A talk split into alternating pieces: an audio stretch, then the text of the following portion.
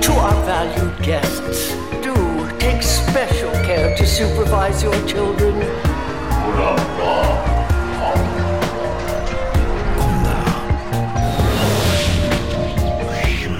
Het is weer ochtend in Pretparkland. Goedemorgen pretparkland en welkom bij je ochtendelijke pretparkpodcast. Mijn naam is Erwin Taats en Dennis Jans en ik hebben het vandaag over het beste van pretparkland.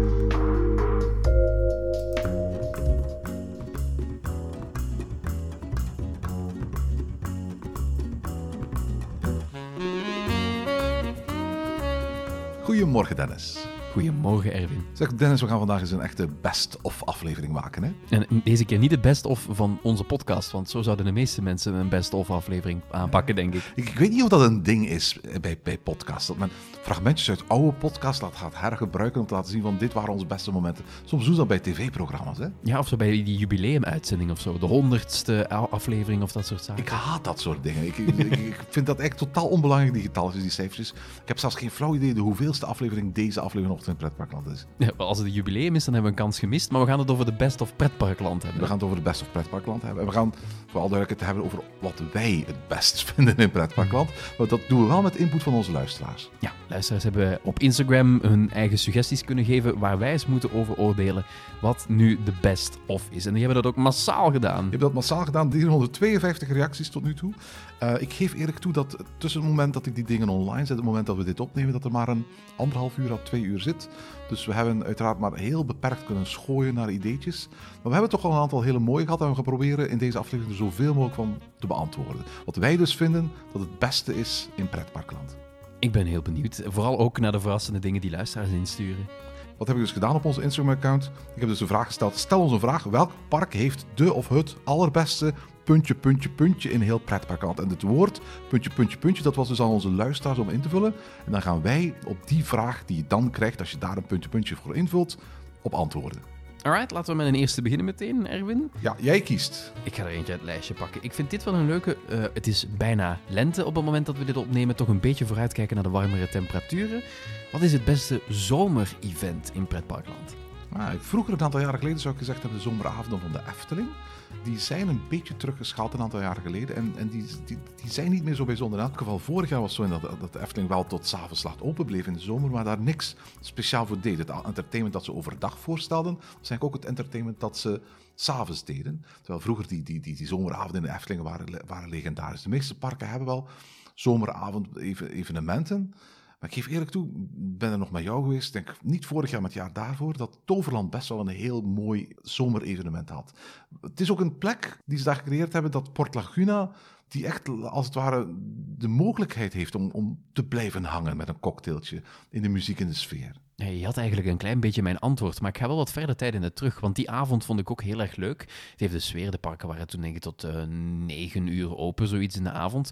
En dan is het gezellig, maar in de zomer is het om negen uur s'avonds nog gewoon licht en nog best wel warm. Het is sfeervol, daar niet van en zo. Maar het is toch een beetje vroeg soms om om negen uur te stoppen. En voor corona had je daar eh, zomeravonden tot elf uur s'avonds, denk ik op dat moment. Wanneer het wel al donker was en wanneer dat er een vuurwerkshow bij was. Nou, vuurwerkshows maken zoiets af, hè. Voilà, en die, die zomerse sfeer zat er eh, heel erg bij. En ik denk in het jaar voor corona ben ik er twee keer geweest op zo'n zomeravond. Ook één waar het echt zo de hele dag 40 graden was. Te warm om eigenlijk in een pretpark te zijn. Maar omdat je er zo tot 's avonds laat blijft en ook overdag heel wat waterattracties had te doen, vond ik dat zalig destijds. En ik hoop stiekem eigenlijk dat Toverland in de zomer nog wel eens een keer zo'n vuurwerkshow gaat doen, voor die sfeer ook mee te geven. Ik ben er zelf nog nooit geweest, maar we hebben er al een podcast over gemaakt, wat eigenlijk een beetje raar is. We hebben vorig jaar nog een podcast gemaakt over de zomerevenementen van Paradise. En toen waren we er op een persdag waar de zomerevenementen werden voorgesteld. En toen was het zo dat in de zomer Paradise een heleboel evenementen organiseerde, waarbij elke avond in het teken stond van andere artiesten, andere culturen. Ik geef eerlijk toe, ik ben er niet geraakt toen, maar dat dat een zomerevenement is dat mij ook wel interessant lijkt en dat ik dit jaar eens wil mee proberen te pikken. Nou, we hebben eentje op de agenda staan bij deze voor Voilà, deze zomer. hè? absoluut, absoluut. Jouw beurt, Erwin. Ja, mijn beurt. De vraag die hier gesteld wordt is: ehm, wat is de beste pizza in pretparkland? Oeh, maar dat vind ik een moeilijke, want ik, ik weet niet waarom, maar in pretparken heb ik een beetje kieskeurige smaak. Ik ga niet zo snel voor pizza of pasta gaan, zeg ik heel eerlijk in En pretparkland. waar, waar- waarom is dat? Eet je het anders wel? Ja, thuis eet ik het denk ik minstens één keer in de week. Zeker zo van de diepvriespizza's. Dat zijn zo van die makkelijke go-to dingen als je even zo'n avond niet wilt koken. Maar heel veel, heel veel pizza's in pretparkland zijn ook toch gewoon diepvriespizza's. Eh, Ja, fair point. Heel veel van die dingen zijn eh, totaal niet interessant. Ik, denk, ik heb wel nog laatst eens een keer in Walibi Belgium pizza gegeten, omdat ze daar tijdens Halloween zo'n pizza buffet Juist, doen. ja. En eh, ik zeg ook heel eerlijk dat ik af en toe wel eens pizza eet als ik in Walibi Belgium ben, maar dan net buiten het park. Ja, ja, ja, je wegsneaken naar de Pizza Hut daar. Hè? Ja, ja, ja. Dat is echt het grote geheim van, van alle Wallaby-fans bij zo spreken. Je kunt echt letterlijk de straat oversteken, 10 minuten later bij, bij, de, bij de Pizza Hut van Waver. En dan kun je voor 10, 12 euro een onbeperkt pizza-buffet gaan eten eigenlijk. hè. En dan vind ik het wel leuk. Dus eh, mag ik ook eh buiten pretparkland kiezen? Want die in Walibi zelf, ja, het waren pizza's, maar ja, ze waren In, vettig in, en niet zo in, lekker. in Plopsaland heb je wel echte Pizza Hut pizza's. Ja, maar ja, dan moet ik wel een nier afstaan om een pizza te halen, denk ik. Hè, want dat is ook waar. Dat is ook waar. Nee, waar. ik eet het eigenlijk bijna nooit. Ik kan me buiten die in Walibi Belgium eigenlijk niet herinneren dat ik ooit in een ander pretpark pizza heb gegeten. Ik moet eerlijk toegeven dat pizza iets is wat ik niet vaak op de menukaart heb staan, dus daar moeilijker kan op antwoorden. Ik verbaas mij ook dat, dat bepaalde parken het totaal niet hebben eigenlijk. Je kunt bijvoorbeeld met moeite een stuk pizza kopen in de Efteling, ook al zou je bijvoorbeeld denken dat dat wel iets is dat zich automatisch vanzelf verkoopt. Er is wel zo die pi- pizzeria in Applaus, maar dat is natuurlijk table service bediening, en vaak gereserveerd door mensen die naar de Karom-voorstellingen gaan. Als, als ik moet nadenken aan, aan, aan de beste pizza die ik in pretparkland heb gehad, dan moet ik echt denken aan zo die Amerikaanse Disneyparken, want daar hebben ze echt handmade pizza, die ze echt voor heel veel geld verkoopt, maar die echt wel heel lekker is. Ik weet dat bijvoorbeeld in het, Italiaans paviljoen in Epcot wordt er letterlijk water geïmporteerd uit New York, omdat dat het beste water schijnt te zijn voor het maken van pizza's. Maar, maar we hadden eigenlijk vooraf afgesproken, misschien moeten we dat er nu eventjes tussen gooien, dat we eh, het niet zouden hebben over de Amerikaanse parken. Dat we eigenlijk het pretparkland bij ons hier in Europa gaan beperken. Ja, en dan moet ik heel eerlijk zijn, pizza's, dat staat niet meer veel op het menu. En, en heel vaak kom ik het ook niet meer tegen, zeg ik eerlijk hoor. Want eh, toch, het standaard pretparkfood is toch wel heel vaak die burger met frietjes. Hè? Die standaard McDonald's-lijkende hamburgerrestaurants waar dat eh, en masse tieners voor in de rij staan. En, en je zegt daar iets over de Efteling. Ik zat daar te denken, is er nog steeds pizza bij dat, dat hutje daar bij de Baron? Het melkhuisje, ja, dat was, eh, ja, daar hadden ze van die flatbreads vroeger. Hè? Ik weet dat eigenlijk niet. Het is, ik ben, opnieuw, ik ben geen groot pizza's liefhebber, dus het is niet iets wat ik vanzelf heel snel koop. Misschien moeten we een ander eh We hebben een slechte plaats. uitgekozen Ja, ja, eigenlijk voor ons. Hè. Laten we misschien dan eens de muziek induiken. Wat is de beste soundscape in pretparkland? Oh, maar dat is iets anders dan muziek vooral. Want al, heel waar. veel andere mensen hebben ook nog gevraagd, daar zie ik hier staan, parkmuziek en muziek. En, en jij vraagt hier naar soundscape. Wat bedoel ik met soundscape? Dat is alles wat geluid is, maar geen muziek. Als je bijvoorbeeld door het Sprookjesbos wandelt, je komt bij bijvoorbeeld de Zes Zwanen uit, dan ga je, of, of je wandelt in, in de wereld van Simbad, dan kun je daar niet alleen muziek horen, dan hoor ook echt geluiden die die sferen eh, op, ophalen. Aan de ene kant heb ik een ontzettende appreciatie voor soundscapes, aan de andere kant hoeft het voor mij ook niet altijd. Wat ik wil zeggen, ik was onlangs aan het wandelen in de Efteling en ik merkte dat ik eventjes op een plek was waar ik geen parkmuziek hoorde en ook geen soundscape hoorde. En ik dacht van, dit soort plekken zijn we in heel pretparkland ontzettend aan het verliezen. Want pretparken willen letterlijk die multi-sensory experience benadrukken en benadrukken en laat je echt geen seconde meer los. En ik weet nog dat ik, dat ik eh, op een van de laatste dagen in september vorig jaar bij, bij, bij het Spookslot was, dat ik er aan het rondlopen was en dacht van, weet je, eigenlijk de sfeer die hier hangt, die zou ik ook graag willen hebben bij de opvolger, maar die gaan we nooit krijgen. Want rond, rond het Spookslot was er geen muziek te horen, er waren geen soundscape te horen, er waren geen vleermuizen die fladderen, er was geen wind die ruiselde, er waren, waren geen katten die miauwden in de bosjes. En ik denk van, ja, als straks Dans Macabre opent of Huiverwoud opent, ehm, dan krijg je daar een soundscape waar je niet aan kunt ontsnappen. En, en een pretparkbezoek moet ook op een bepaald moment rustgevend kunnen zijn. De beste soundscape die ik ooit heb meegemaakt in een pretpark was die in Galaxy's Edge. Maar ik geef eerlijk toe, als ik dichter bij huis kijk, dan denk ik persoonlijk, los van de muziek, dat ik die in Rookburg de moeite waard vind. Rookburg heeft echt een fantastische soundscape. Die enorme machine met al die stoomontwikkeling, met al die scharnieren en tandwielen die je hoort, met dat gepuf en gestamp in de kelders. Rookburg haalt zijn sfeer uit thematisering, maar minstens zo sterk uit wat je hoort. Ik heb misschien een beetje een flauw antwoord op deze, ehm, want ik, ik snap je antwoord van Rockburg heel erg, hè, maar het is ook een goed voorbeeld waarom ik geen eh, echt eh, gebied heb of zo waar ik een favoriete soundscape heb. Omdat ik heel vaak bij soundscapes het gevoel heb van, eh, ik vind het heel erg leuk, het geeft wel wat sfeer, maar het is nergens aan gekoppeld. Snap je? Je hoort daar ergens psh, in de verte van een stoommachine, maar je ziet nergens stoom uitkomen. Maar is het de bedoeling van de soundscape om bepaalde dingen die niet te realiseren zijn in het echt, te insinueren.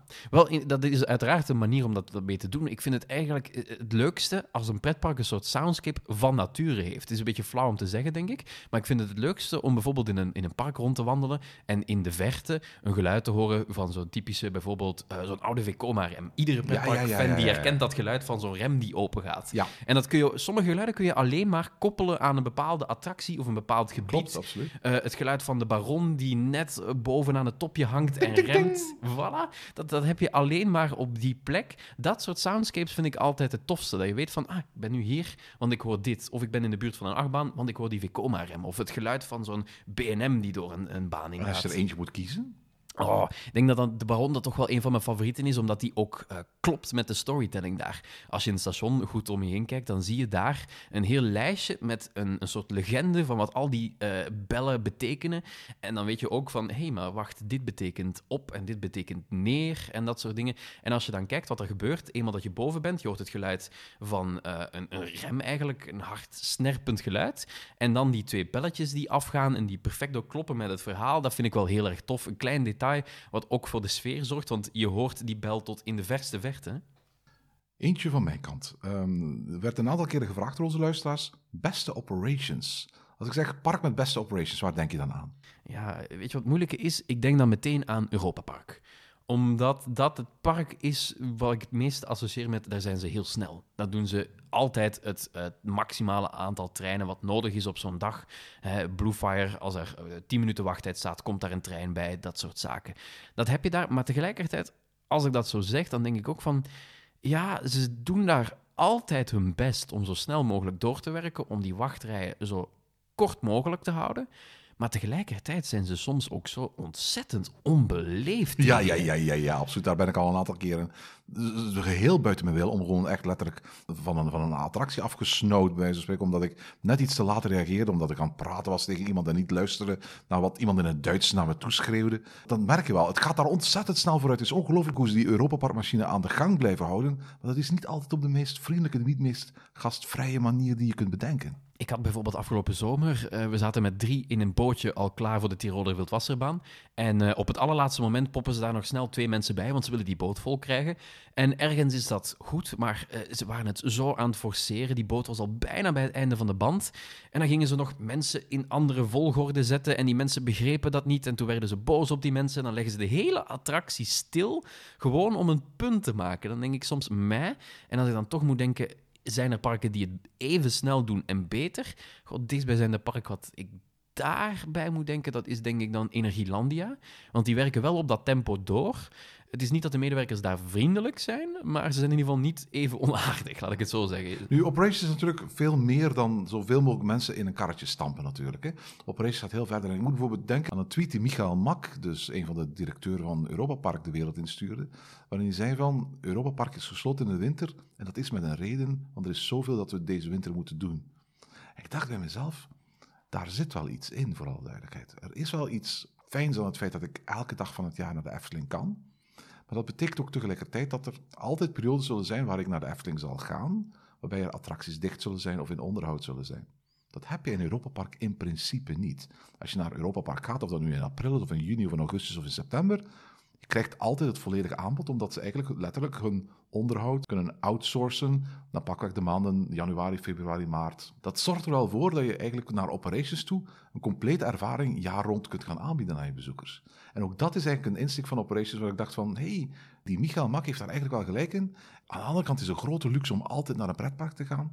Maar je moet er ook in dat opzicht de nadelen daarvan bij willen nemen natuurlijk. Hè? Het zorgt er ook een beetje voor natuurlijk dat als je het iedere dag doet, dat het uh, een beetje meer een, een, systeem wordt of zo. Hè. Als je hele drukke dagen hebt, af en toe als uitzondering, dan is het even tandjes bijzetten. Maar als volgende week zaterdag of letterlijk de dag erna weer zo'n drukke dag is, ja, dan wordt het uh, een beetje ja, lopende bandwerk. En dan, dan verliest dat ook een beetje zijn charme, worden medewerkers misschien wat onvriendelijker ook.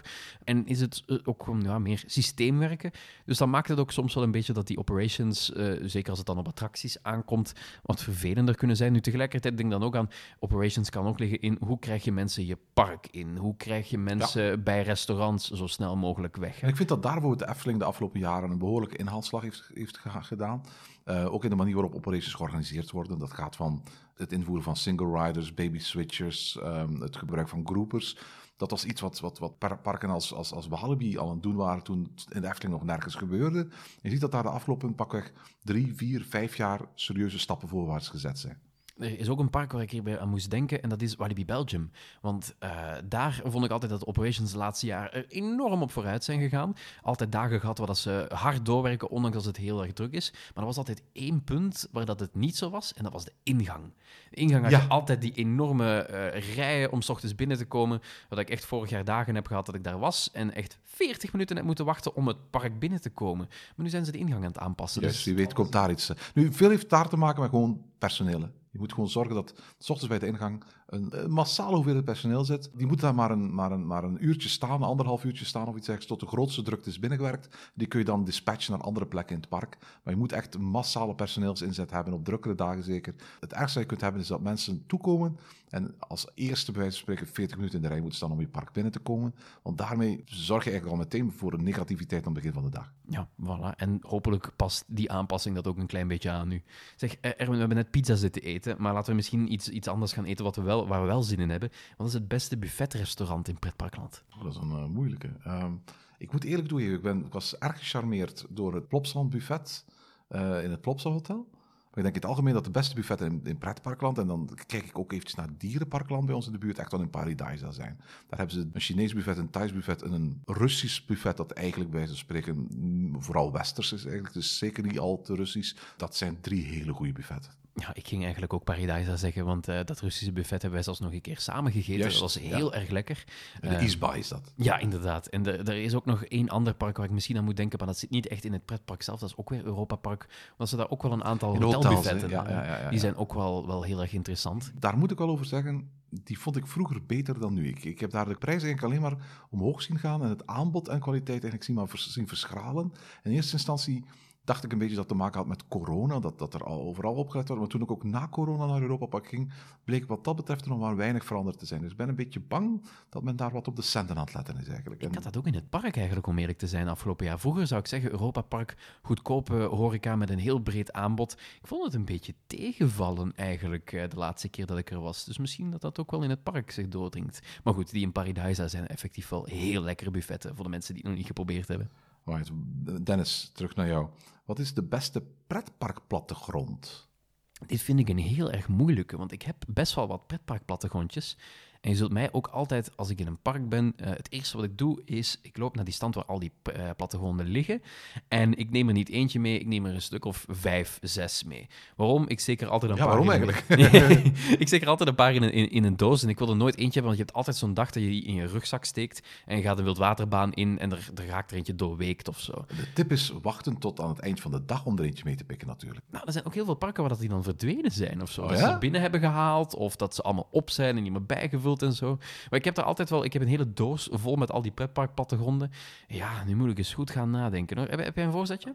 Ja, ik heb een voorzetje. Ik heb maar je bent er nog niet geweest, dus je zult het niet kennen. Maar het is Tivoli in Kopenhagen, een Deens pretpark. Eigenlijk een, een van de oerpretparken.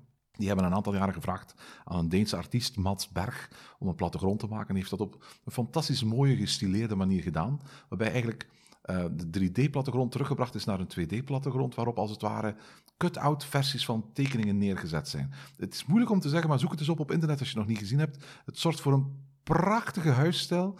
En, en de Zo van Antwerpen en Plankendaal waren zo onder de indruk van de plattegrond van Tivoli, dat ze gevraagd hebben aan, aan Mats Berg, aan diezelfde kunstenaar, kun je eigenlijk ook onze plattegrond doen. En die man heeft toen voor zowel Plankendaal als de Zo van Antwerpen besloten om ook de plattegrond te maken in exact dezelfde stijl als Tivoli.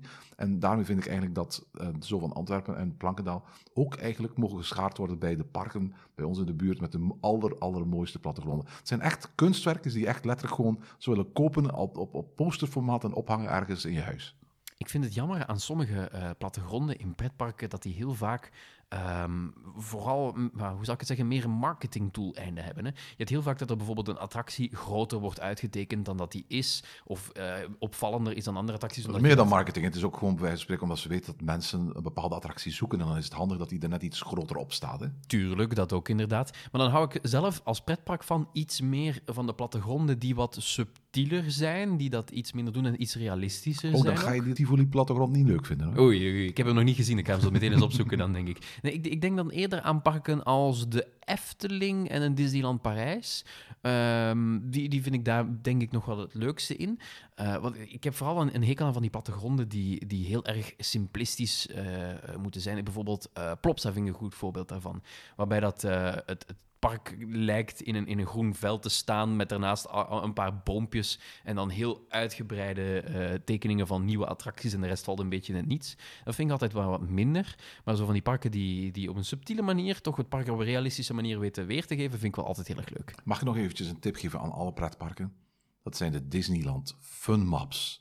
Disney heeft gratis plattegronden, maar verkoopt ook in al zijn parken wat ze noemen fun maps. Dat zijn grote posterformaat plattegronden die met de hand getekend zijn en eigenlijk een, een, een, het park in een totaal detailniveau weergeven.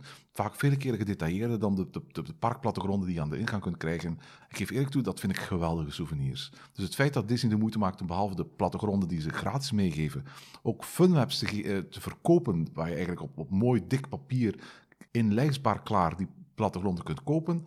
Dat vind ik een fantastisch ding. Ik zou het fijn vinden mocht bijvoorbeeld een park als, als, als de Efteling, maar bijvoorbeeld ook parken bij ons als Walibi, funmaps versies van hun parken zouden kunnen verkopen. Ik vraag me wel af eigenlijk, nu we het hier zo over hebben, hoe lang gaat die parkplattegrond op papier nog blijven eigenlijk? Maar ik hoop dat dan die funmap eigenlijk, die Disney trouwens al heeft sinds de jaren 50, de oplossing is. Ik geloof niet dat die nog lang gaat bestaan, de papieren plattegrond. Ik denk dat we allemaal naar die appjes gaan. Maar dat als souvenir die misschien wel kan overeind blijven. Ja, want eh, heel wat parken, ook bij ons in de buurt, die beginnen er al mee te stoppen. Hè. Volgens mij Disneyland Parijs levert ook geen eh, papieren plattegronden meer, verwijst je ook door naar de app. Ja, en in onze vorige Frappanse Land zei jij dat Aland vorig jaar geen, geen plattegronden meer had. Dat heeft eh, Peggy Verras ondertussen bij ons recht gezet en laten weten dat, dat ze wel degelijk plattegronden hadden. En sterker nog, dat de bedoeling is om dit jaar de plattegronden zelfs gratis aan te bieden voor de bezoekers. Oh, kijk eens aan. Dat geeft me weer een reden om er een paar binnen te halen. In één keer vijf in plaats van die ene waar je twee euro voor moest betalen vroeger. Zeg, Erwin, eh, jij maakt het met een klein beetje moeilijk met, ehm, eh, met de plattegronden. Ik denk dat ik met deze ook jou een klein beetje moeilijk ga maken. Wat is de beste waterglijbaan in pretparkland? Ik, ik hou niet van waterparken. Ik dacht het al. Laat me dat herstellen. Ik hou niet van indoor waterparken. Ik hou ontzettend van outdoor waterparken. Bijvoorbeeld in PortAventura ben ik er nog in geweest. Uiteraard bij Disney, Typhoon Lagoon, eh, Blizzard Beach, et cetera. Maar dat, die, die subtropische serres, bij spreken, met, met die verschrikkelijke akoestiek, dat is echt niks voor mij. En, en vaak is het thematiseren er ook heel beperkt, hè, want je, ja, je kunt maar zo weinig onder zo'n grote glazen kooi inprenten. Nee, ik, ben daar echt geen liefhebber van. Ik heb een aantal spectaculaire ehm, eh, glijbanen gedaan die ik heel tof vind in, in Amerikaanse themaparken. Onder andere een aantal watercoasters en van die extreem hoge verticale glijbanen. Maar dat zijn dan dingen in Amerika. We hadden net gezegd dat we geen Amerikaanse dingen zouden doen. Hier in Europa heb ik niet echt lievertjes of favorieten eigenlijk. Ik moet wel zeggen van, ik hou van bandenglijbanen. Ja, dat kan ik nog wel begrijpen eigenlijk. Want dat, geeft, dat zijn meestal ook wel wat spectaculairdere glijbanen. Ik heb er wel eentje, denk ik. Ik ga voor een glijbaan in Rolantica, omdat ik Rola- Rolantica ook gewoon een heel erg leuk eh, waterpark vind. Wat eh, op veel facetten een beetje anders is dan, eh, dan heel wat andere subtropische zwemparadijzen, zoals je bij ons de laatste jaren steeds meer hebt. Hè. Plopsa Aqua bouwt bijvoorbeeld vrolijk door aan van die waterparken. Maar Rolantica is wat mij betreft een van de weinige echte dagbestemmingen, waar ik ook echt lang wil en kan blijven. En eh, je hebt daar in de hal eigenlijk twee kanten waar dat de meest spectaculaire glijbanen zitten. En aan de, de, de winterkant, zeg maar, waar dat alles ijs en, eh, en, en koud moet uitstralen, heb je een winterrit. En dat is die ene glijbaan met die, die grote ja, schans, zeg maar, die ook binnen zichtbaar is. Ik vind het een heel leuke glijbaan. Het is heel erg kort wel. Maar het leuke daaraan is dat je eh, heel eventjes het, het het zwembad, het park vanaf een andere hoek krijgt te zien. Maar ook dat het hele zwembad de hele tijd naar daar kan blijven kijken. En af en toe zie je daar zo een borgje met vier of twee mensen door die glijbaan heen gaan en, en eh, de grootste gillen uitslaan. Ik vind dat een heel leuk effectje hebben om af en toe zo uit het niets zo'n bootje zien te verschijnen en weer te verdwijnen. Alright, cool, cool, cool. Het lijkt wel iets dat ik ook zou leuk vinden, mocht het niet zo indoor zijn. Ja, je moet nog zeker eens een keer naar Rolantica gaan, denk ik, om eens een, eh, een, een, een goed, goede blik te werpen. Ik, ik kan me voorstellen dat je inderdaad denkt van, ja, het is een indoor waterpark. Maar Rolantica is wel het net iets anders. Ga je het daarom fantastisch vinden? Dat weet ik nog niet, maar eh, het is zeker het testen waard. Welk park heeft voor jou de beste cocktailbar?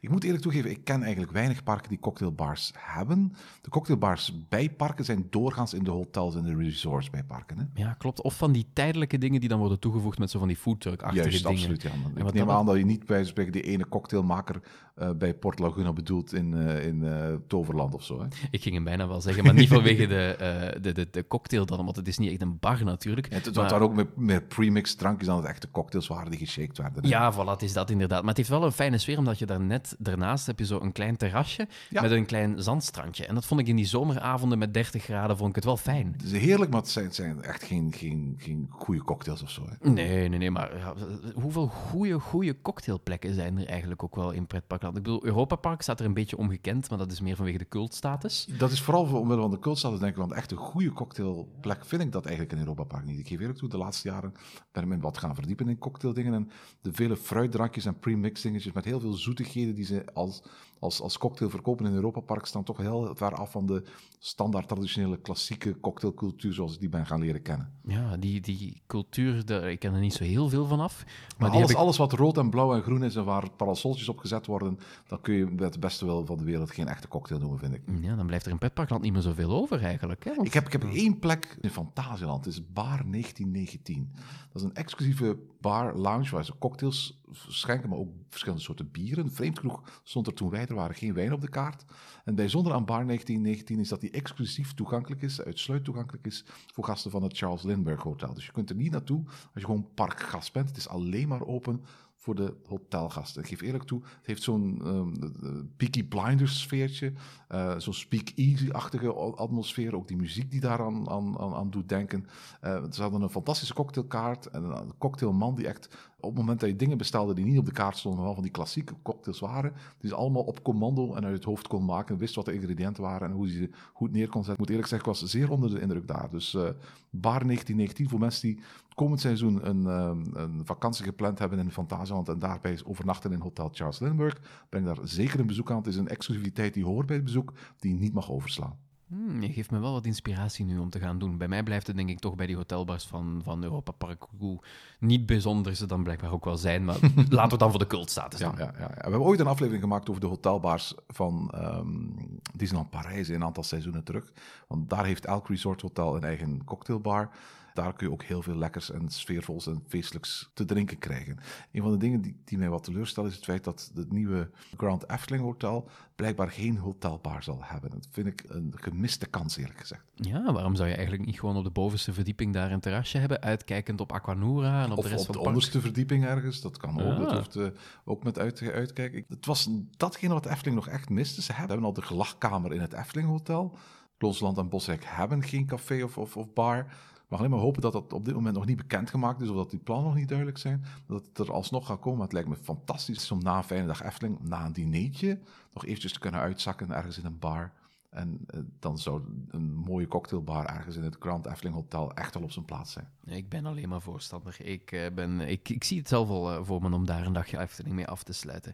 Zeg, ik zag er een voorbij komen die ik wel heel erg intrigerend vond, omdat ik ook niet helemaal zeker ben hoe je deze zou definiëren, maar dat levert misschien wel een interessante discussie op. Wat is de beste themagebiedenindeling in pretparkland? Oh ja. Ja, dus, dus de meeste pretparken waar we komen, die hebben themagebieden, rijken, landen. Eh, soms zijn die zeer arbitrair, soms zijn die ehm, nog zeer primitief. Laten we eens kijken. Hè. Heeft ja, voor een groot stuk landengebieden. Hè. Denk maar aan India, Canada, Mexico, et cetera. Hetzelfde heb je natuurlijk met Europa Park. zijn ook landen. Heel veel dierenparken hebben ook landen als thema. De Efteling heeft rijken, maar dat is een beetje nondescript. Er zijn een paar rijken die, denk ik, grondig gedefinieerd zijn, maar ook een aantal rijken die echt als een soort van los zand aan elkaar horen. Bovendien zit daar een soort van overgang aan te komen, waarbij ze echt naar themagebieden à Wereld van Simbad, Wereld van Dons Macabre, Wereld van Max en Moritz aan het gaan zijn. Eh, de klassieke themagebieden heb je natuurlijk bij, bij Disneyland, Frontierland, Adventureland, Discoveryland. Welk park heeft de beste van allemaal? Ja, dan moet ik echt wel Disneyland Parijs zeggen. De klassieker eigenlijk hoor. Ik snap het ook wel, hè, maar dat is het schoolvoorbeeld van je komt in het midden van het park uit en je moet maar een, een richting kiezen. Je kunt bijna letterlijk zeggen, ik draai 40 graden en ik kom in een ander themagebied terecht op dat punt. Hè. Ik vind ook niet dat, dat, dat parken een, een indeling nodig hebben. Dat kan interessant zijn als daar een, een, een thematische reden voor is. Het kan interessant zijn als daar een logistieke reden voor is. Uh, maar je moet het niet doen omdat je het moet doen. Bijvoorbeeld, um, Bobby heeft een aantal themagebieden de afgelopen jaren erbij gekregen. Hè, met The Land of Legends en Adventure Valley en dan het Cowboydorp, et cetera. Ik vermoed dat er ook wel een themagebiedje gecreëerd zal worden rond Terra Magma, zoals de vernieuwde Indiana River gaat heten. Voor mijn part hoeft dat bijvoorbeeld in Bobby Jaland niet te bereiken, indeling.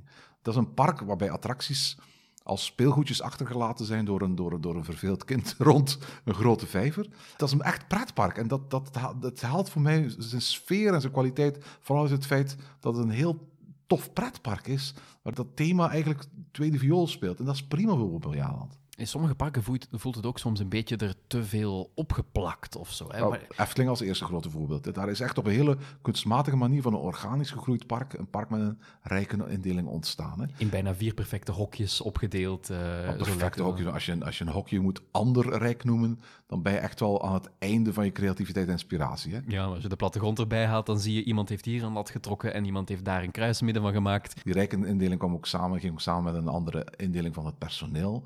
En daar is eigenlijk een situatie ontstaan waar eigenlijk iets dat, dat puur logistiek was, ook een impact had voor bezoekers. Maar je ziet dat het steeds moeilijker is, en zeker nu dat fantasierijk erbij komt. En waarbij onder andere bekendgemaakt is dat er bijvoorbeeld geen weg komt van uh, de Pardoespromenade naar Dons Macabre. Um, uh, kun je afgaan vragen, bijvoorbeeld, gaat bijvoorbeeld Fabula voortaan tot het fantasierijk gerekend worden, wat een heel rare toevoeging zou zijn, want het fantasierijk is bijna uitsluitend ja, de wereld van Pardoes wat gaan ze daarmee doen? En dan zie je dat, dat je echt met die rijkende problemen komt. Hè? Ja, in een ander park waar ik het ook een beetje mee heb de laatste jaren is Walibi Belgium. Waarom? Omdat ze daar bezig zijn met themagebieden aan te leggen sinds een aantal jaren. En sommige van die themagebieden zijn echt wel geslaagd. Hoor. Dat Exotic World vind ik heel erg tof. Maar Walibi Belgium is zo'n park wat een beetje uh, leeft op de littekens van de geschiedenis. Uh, je hebt daar een heel aantal plekken die ondertussen echt heel erg oud en vervallen zijn en waar nog wel plannen voor zijn om die aan te pakken. Maar je hebt ook heel vaak het gevoel van, oké, hier uh, zijn ze een klein beetje buiten de lijntjes gaan schieten. Bijvoorbeeld als je uh, wandelt van Karma World naar Fun World, dan wandel je Fun World binnen, je ziet daar Fun Pilot staan en links verschijnt ineens dat Madhouse wat nog in Karma World zit. Soms zijn er van die dingen dat het een klein beetje ja, vergezocht is. Het moet ook niet per se perfect zijn, maar wat ik wel een park vind, wat wel een, een noemenswaardige melding heeft, is Toverland, wat mij betreft.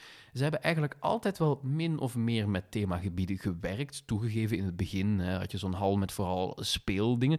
Maar er zijn wel altijd een soort van verhalen of achtergrondideeën bedacht bij de themagebieden. En ik vind ook dat Toverland een park is waar dat die themagebieden best wel goed in elkaar overgaan. Bijvoorbeeld vind ik bijvoorbeeld als je van Troy wandelt naar Port Laguna, dan zie je de vegetatie veranderen, daar hoor je de muziek overgaan van de muziek van Troy naar Port Laguna. Dan zie je ook de architectuur een beetje overgaan, maar terwijl het nog steeds wel Toverland blijft, vind ik een heel leuk park wat dat betreft. Alright. Um, welk park heeft volgens jou het fijnste spookhuis?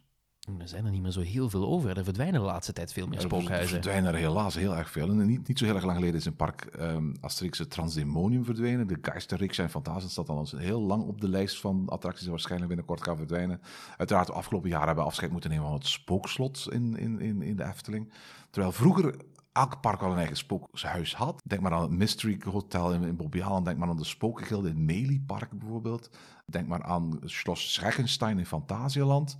Uh, zien we die eigenlijk totaal verdwijnen. Dat heeft natuurlijk te maken met het feit dat spoken, griezelen, zo'n beetje de, het ownership daar terechtgekomen is bij alles wat met Halloween te maken heeft. En dat men om die reden eigenlijk alles wat met spoken en griezelen te maken heeft, een beetje naar het najaar probeert te verschuiven. Maar dat betekent ook dat er maar heel weinig interessante spookhuizen meer over zijn. Hè? Ja, het heeft natuurlijk ook een beetje een technische reden. Hè? Heel veel van die spookhuizen zijn gebouwd aan het einde van de jaren 70, begin jaren 80. Er zitten heel vaak van die omnimovers in, gekopieerd van de Haunted Mansion. Uh, bijvoorbeeld omdat toen er nog geen Disney in Europa was, kon je zoiets vrij eenvoudig gaan kopiëren. En ondertussen zijn we in de jaren 20 van de 21ste eeuw. En beginnen die attracties een beetje op het einde van hun levenstermijn te komen. En dan is het soms ja, veel geld om te investeren in een spookhuis, wat dat inderdaad misschien de populariteit wat van afneemt, omdat Halloween dat zo fel overklast. Weet je, ik, ik denk dat ik toch wel een favoriete spookhuis heb van, van Europa. En daarmee bedoel ik niet Disney spookhuis, want uiteraard niks kan boven Phantom Manor komen. Maar als je eventjes Phantom Manor aan de, aan de kant schuift, dan heb ik een aantal jaren geleden Le Manoir Onté gedaan in Nicloland. Een dark ride die daar geopend is in 1994 en een bijzonder uniek dark ride systeem van Mack Rides uh, bevat. Ik moet eerlijk toegeven, daar hadden ze echt de juiste touch van, van, van, van griezeligheid, van humor, van sfeer. Uiteraard voor een heel groot stuk gebaseerd op Phantom Manor. En het bijzondere van Manoir is, behalve het feit dat het eigenlijk best wel mooi gethematiseerd is, waarbij je een statig maar vervloekt herenhuis een tour doet op een, op een, op een karretje, is het zo dat het vervoerssysteem dat hiervoor gemaakt heeft eigenlijk een twist heeft. Het is namelijk een, een, een standaard karretje die als het ware voorwaarts doorheen de attractie voert, maar op een bepaald moment ook los kan komen en om zijn as kan gaan tollen. Het is zo dat die bewegingen op een hele mooie manier getimed zijn bij de juiste schrikeffecten, waar je op een bepaald moment aan het schrikken wordt gebracht en tegelijkertijd gaat je karretje in één keer dan tollen en dan rij je gewoon verder naar de volgende scène terug voorwaarts. En dat is iets wat ik nog nooit ergens in een, in een pretparkattractie gezien had en voor mij echt een hele mooie toevoeging was bij het spookthema daar. Oké, okay, maakt me wel benieuwd, want ik ben nog nooit in Nicloland geweest. Oh, een van de charmantste pretparken in heel Europa. We gaan daar nog eens een aflevering over maken in Ochtend in Pretparkland. Nou, oké, ik ben benieuwd. Ik ga hem eens op een lijstje zetten om eens een keer te gaan bezoeken. Het eerlijke antwoord bij mij voor beste spookhuis uh, is gewoon natuurlijk Phantom Manor. Daar moeten we niet over gaan liegen. Nee. Um, maar ik denk dat nummer twee bij mij toch wel Geisterslos komt in Europa Park. Het is een ongelooflijk genante kopie van The Haunted Mansion en Zeg dat Phantom wel, ja, absoluut. Uh, maar ik vind het ook wel heel erg leuk. Er gebeurt zo ontzettend veel. Het is ook een constant work in progress. Hè. De familie Ja. Mak voegt daar altijd wel dingen aan toe. Hè. Hebben ze een musical Spook Me, dan komt het jaar daarna uh, de, de, de- ongeveer de helft van decor en een heleboel kostuums daar terecht. Hebben ze in één keer een nieuwe tekenfilm, dan gaan ze daar poppetjes van in, integreren. Het is, het is een constant work in progress en elk jaar zie je daar wel iets anders. Ja, en bouwen ze een piraten in Batavia, kregen ze groepskorting als ze tien animatronics bestelden, zetten ze er eentje in de wachtrij. Ja. Dat doen ze daar ook. Eh, nee, maar ik, er gebeurt zoveel. Er zitten ook een paar kleine effectjes in die ik heel erg leuk vind, die je toch een beetje aan het schrikken doen brengen. Eh, als je het tien keer hebt gedaan, is het niet meer zo leuk, maar er zit zo'n beeldje wat een beetje water op je knieën Klopt, spuit. ja. Er zit eh, een effect in waar dat zo twee van die, ja, hoe noem je dat, van die, van die stokken die, je- die op pauken gebruikt, die tegen je karretje aanbotsen, waar ik de eerste keer echt ben geschrokken. dat vond ik toch wel heel erg leuk. En voor de toch wel kleine oppervlakte die dat gebouw inneemt, zit er ongelooflijk veel in weggestopt. Dus Ja, dat wat dat betreft iets is het wel echt eh, leuk. wat, wat een soort van rode draad is voor heel Europa Park. Hè. Er, is, er is gewoon heel erg veel in Europa Park. En er is ook heel erg veel, er is much, muchness in dat hele spookslot eh, in Europa Park. In dat opzicht is Le Manoir Honté en Nicoland net iets stijlvoller, iets uitgepuurder. En, en daar past als het ware een, een, een bijna leeg vertrek met alleen maar een paar spookeffecten beter bij de griezelige, wat unheimliche atmosfeer. In Europa Park is dat de totale tegenovergestelde eh, natuurlijk. Je gaat daar een wachtrij in die nog een beetje aan de rustige kant is. Maar als je even een seconde blijft staan, gaat daar een animatronic op je zitten spugen. Gaan daar eh, heel wat schreeuwige effecten in plaatsvinden. Het is geen enkele seconde subtiel in die attractie. Het heeft ergens een charme, maar je zou hem ook geen vijf keer achter elkaar moeten doen zonder dat van mee te nemen, denk ik. Welk park heeft het beste winterevenement? De eerlijkheid moet bekennen dat de laatste jaren ik vrij weinig winter-events in pretparkland heb bezocht. En dat is een beetje raar. We stellen die vraag ook wat te vroeg, want net dit jaar komt, komt zowel Bellewaarde als Walibi Belgium met een winterevenement. Ja, klopt inderdaad. Maar ik ging al inderdaad zeggen, want er zijn heel veel parken die er juist mee beginnen de laatste tijd. Walibi Holland heeft het afgelopen winter voor het eerst gedaan. Ze zijn allebei niet geweest. Nee, niet gehaald. Eh, de Toverland doet het ook al, al jaren in de winter dat ze open zijn natuurlijk, maar ook dit jaar Vorig jaar een, net eh, iets beter dan de jaren daarvoor. Hè? Voilà, echt een, een winter-event. Ook echt, want dat versta ik wel. Er is een verschil tussen we gooien de poorten open in de winter en succes. Juist. En we maken een event ermee. Wat dat betreft vind ik dat de Efteling de laatste jaren steeds meer naar dat laatste aan het toeschuiven is. En dat ik ook een beetje moeite heb om dan maar te zeggen van de Efteling vind ik het leukste. Ja, daar ben ik het echt mee eens. De Efteling doet het stijlvol, maar daardoor misschien zo understated dat voor veel mensen het echte bezoek van de winter Efteling teruggebracht wordt naar een bezoek in de winter aan de Efteling. Er zijn heel veel plekken waar je als het ware niet het gevoel hebt van ik ben echt in een winter Efteling, maar gewoon ik ben toevallig in december of in januari in het Eftelingpark. En dat hebben ze vooral gedaan door een, door een aantal zaken uit het park te verwijderen en samen te bundelen op die warme winterweide, waardoor nog minder winter Efteling in de rest van het park te zien was. Ehm, en dat is een heel groot verschil met de beginjaren van de Winter Efteling, waar je letterlijk overal in het park winters entertainment had en winterse sfeer. Afgelopen winter hadden we ook een aantal fans die zich een beetje waren aan het, uh, ja, hoe zal ik het zeggen, ergeren dat die winter Efteling dit jaar wel heel erg lang doorging. En ik dacht bij mijn eigen, ja, maar wat is het verschil? Er is ergens een, een pleintje met wat entertainment en de week daarna is het er niet. En stel, je komt tijdens die winter Efteling op een doordeweekse dinsdag in, in januari, dan is er sowieso al minder te doen en minder entertainment. Dat ik denk van, zo bijzonder vind ik het de laatste jaren niet meer. nee, maar dat geeft wel toe, als je ergens, ik ben er nog gewoon eind februari in de Efteling geweest, uh, het, was, het, was, 15 graden, mensen liepen rond in korte broek. En je hebt kerstbomen, een, winkel die kerstballen verkoopt. Je hebt een schaatsbaan, je hebt uh, zangers die winterse liedjes aan het zingen zijn. Ergens al zodra het zonnig wordt en, en, en februari, voelt dat toch een beetje alsof het te lang in de zon heeft gelegen. Ja, dat snap ik ergens ook wel natuurlijk een beetje. Maar aan de andere kant denk ik ook van, ja, als je het weghaalt, dan is het grijs en grauw. En dat zijn de maanden waar ik een bloedhekel aan heb.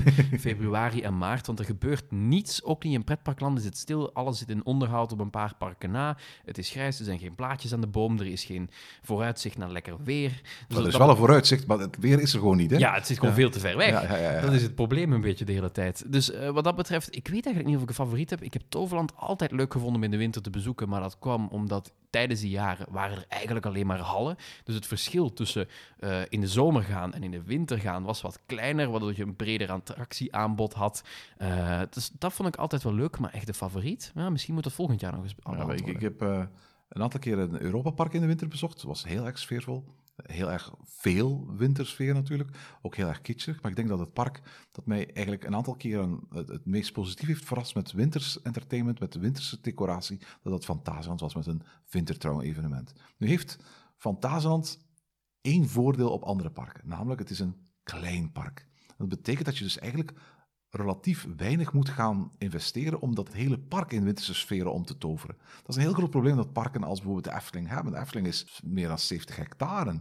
Probeer daar maar eens wintersfeer in dat hele park te creëren. Je moet daar miljoenen voor investeren om ervoor te zorgen dat je overal winterse lichtjes hebt, overal kerstbomen. Dus dat, is niet te doen. Bovendien, Fantasieland staat al zo vol dat de hoekjes die nog niet vol zijn met kerstversiering voorzien, echt met een minimum aan kosten kan gebeuren. Maar het voordeel dat je dan wel hebt in Fantasieland is waar je ook kijkt, waar je ook loopt, je ziet zowel overdag als avonds sneeuw, ijs, kerstkraampjes, gezellig kersteten, kerstverlichting s'avonds. En dat doen ze ook echt, echt heel goed. Ik moet eerlijk toegeven, Fantasieland is waarschijnlijk mijn favoriete kerst-winter-evenement van allemaal.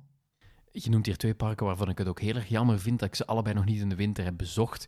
Uh, de afgelopen jaren had ik daar vaak in de winter wat minder tijd voor, omdat ik het simpelweg gewoon druk had en geen tijd had voor pretparken. Dat is nu iets anders, dus wie weet is het wel eens tijd om dat wat meer te gaan doen.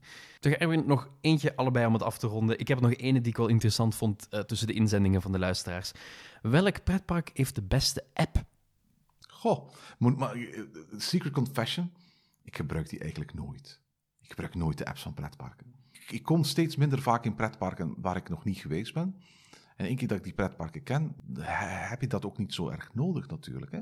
We hebben een aantal jaar geleden een ochtend een pretparkland aflevering gemaakt, waarbij we de verschillende apps van pretparken met elkaar vergeleken. Toen waren we heel erg kritisch voor de app van, van de Efteling. Ik moet eerlijk toegeven dat de afgelopen jaren die eigenlijk bij elke update beter en beter en beter is geworden. Een aantal apps van, van met name Belgische parken bevinden zich nog niet zoveel verder dan de armtierige situatie waar ze letterlijk vijf jaar geleden zich bevonden. Die van de Efteling is echt ondertussen al uitstekend geworden. Ook de app van Disneyland Parijs is prima geworden. Uh, alleen is het daar zo dat de service daarachter, het, het, het, is natuurlijk een veel groter park, er gebruiken veel meer mensen van, het vaak niet kunnen bijbenen, dat die niet altijd lekker loopt, maar is qua interface en wat er uh, in mogelijk is, best wel goed. Onlangs nog in november ben ik in, Bosrijk gaan overnachten. Het feit dat ik bijvoorbeeld gewoon mijn kamer kon openen door gebruik te maken van de app, dat is een soort technologie die ik alleen maar met de Amerikaanse Disneyparken associeer. Um, ik vind de Beekse Bergen app best wel tof. Beekse Bergen is een park waar je zo met een auto een, een dierensafari kunt gaan maken. En wat is het nadeel? Dan kom je vaak dieren tegen, maar je weet niet, ja, wat zijn die dieren? Nu, dieren worden in parken vaak in uh, verblijven gehouden, die dan exclusief bedoeld zijn voor één diersoort.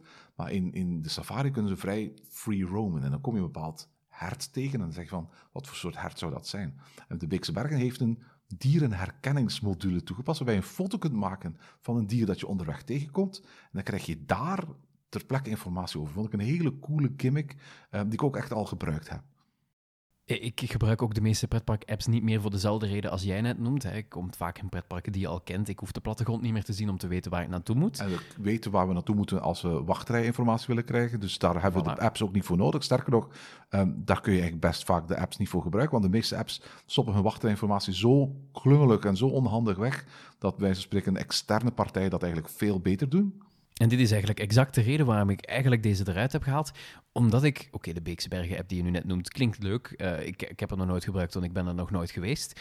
Maar eigenlijk in, in West-Europa, er zijn geen goede pretpark-apps, denk ik zo'n beetje. Oké, de apps gaan daar een beetje op vooruit. En dat was ook omdat ze vroeger echt wel heel erg ja, matig waren en slecht weinig informatie gaven. En eigenlijk alleen het nut diende van mensen die eens een keer naar de Efteling gaan, een dag uh, die plattegrond meegeven en wat informatie te tonen over waar je iets kunt eten en drinken en waar een attractie staat.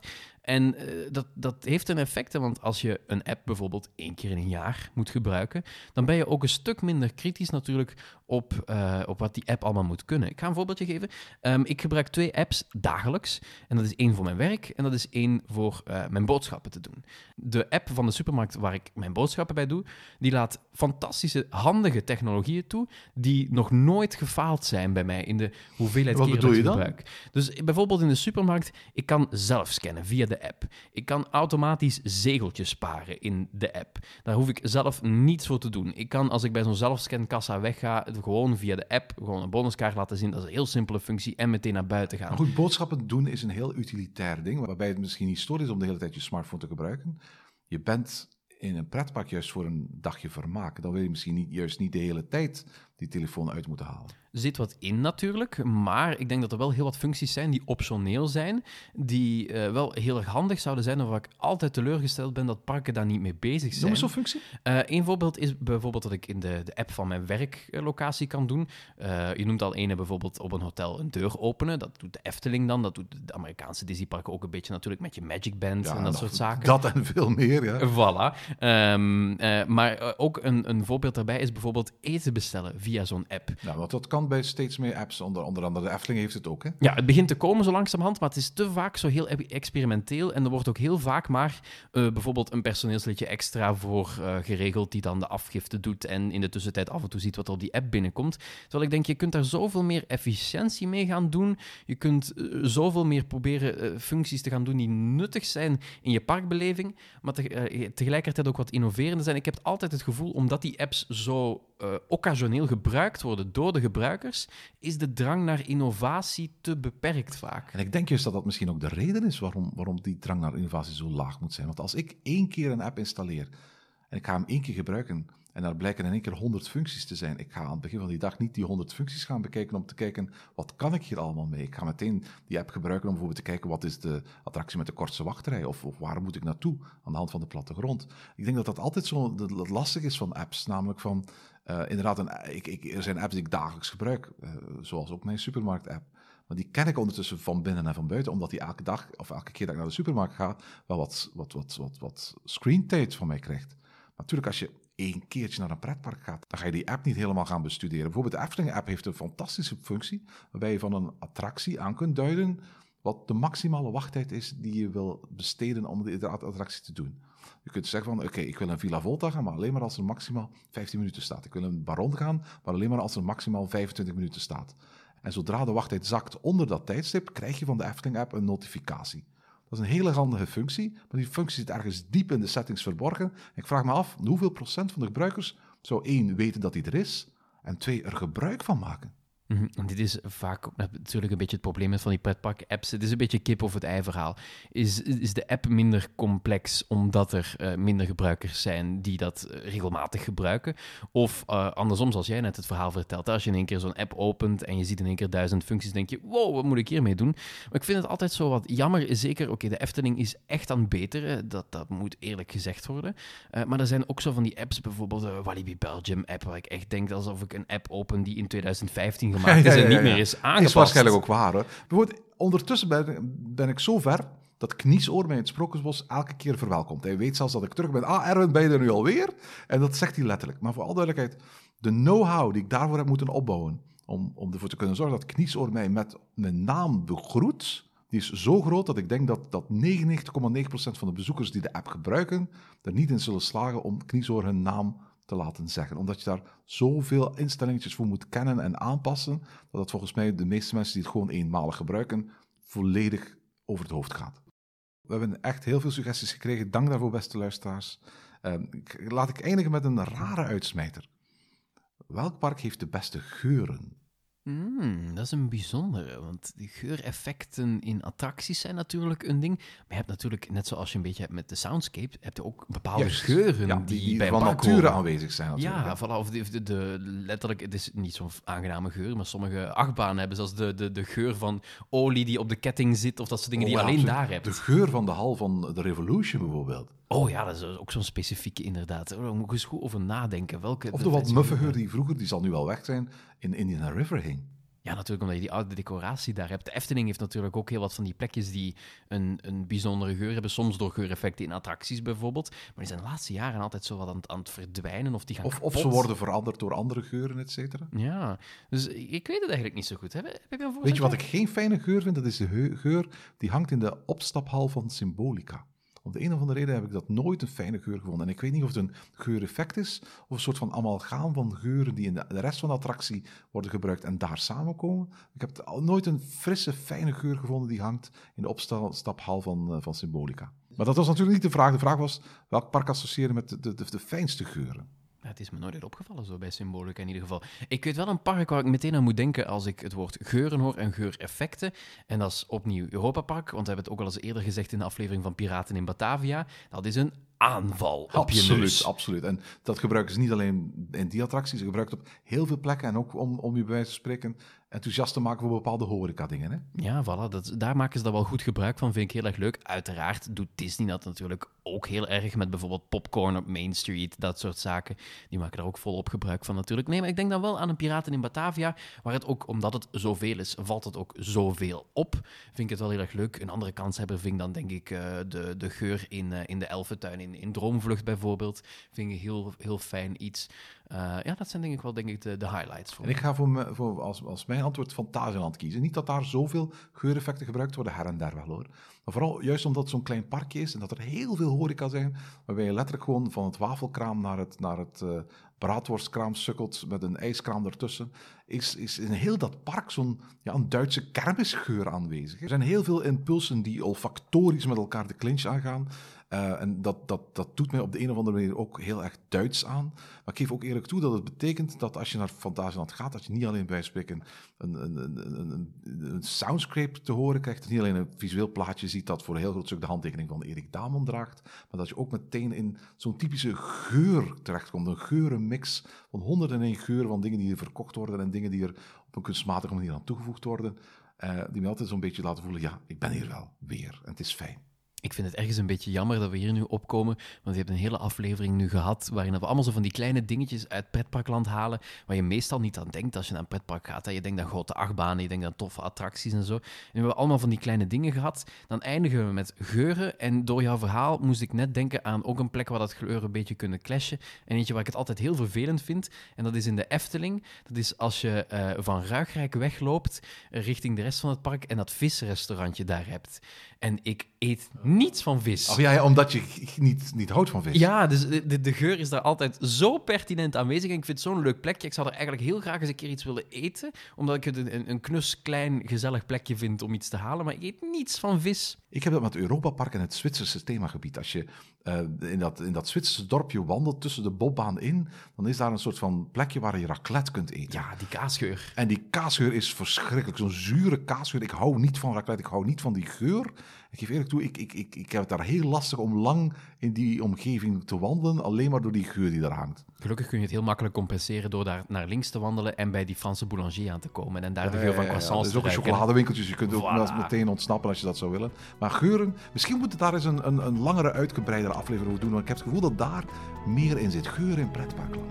Ja, dat is eigenlijk ook wel een interessant thema. Kijk, zo, ze geven de luisteraars toch ons altijd de meest interessante thema's om over te praten. Voilà, luisteraars, bedankt voor jullie input. En volgende keer gaan we ongetwijfeld een van die onderwerpen verder belichten. En tot zover deze aflevering van Ochtend in Pretparkland. Volg ons via het Pretparkland op Twitter, Instagram en Facebook of mail naar ochtend.pretparkland.be.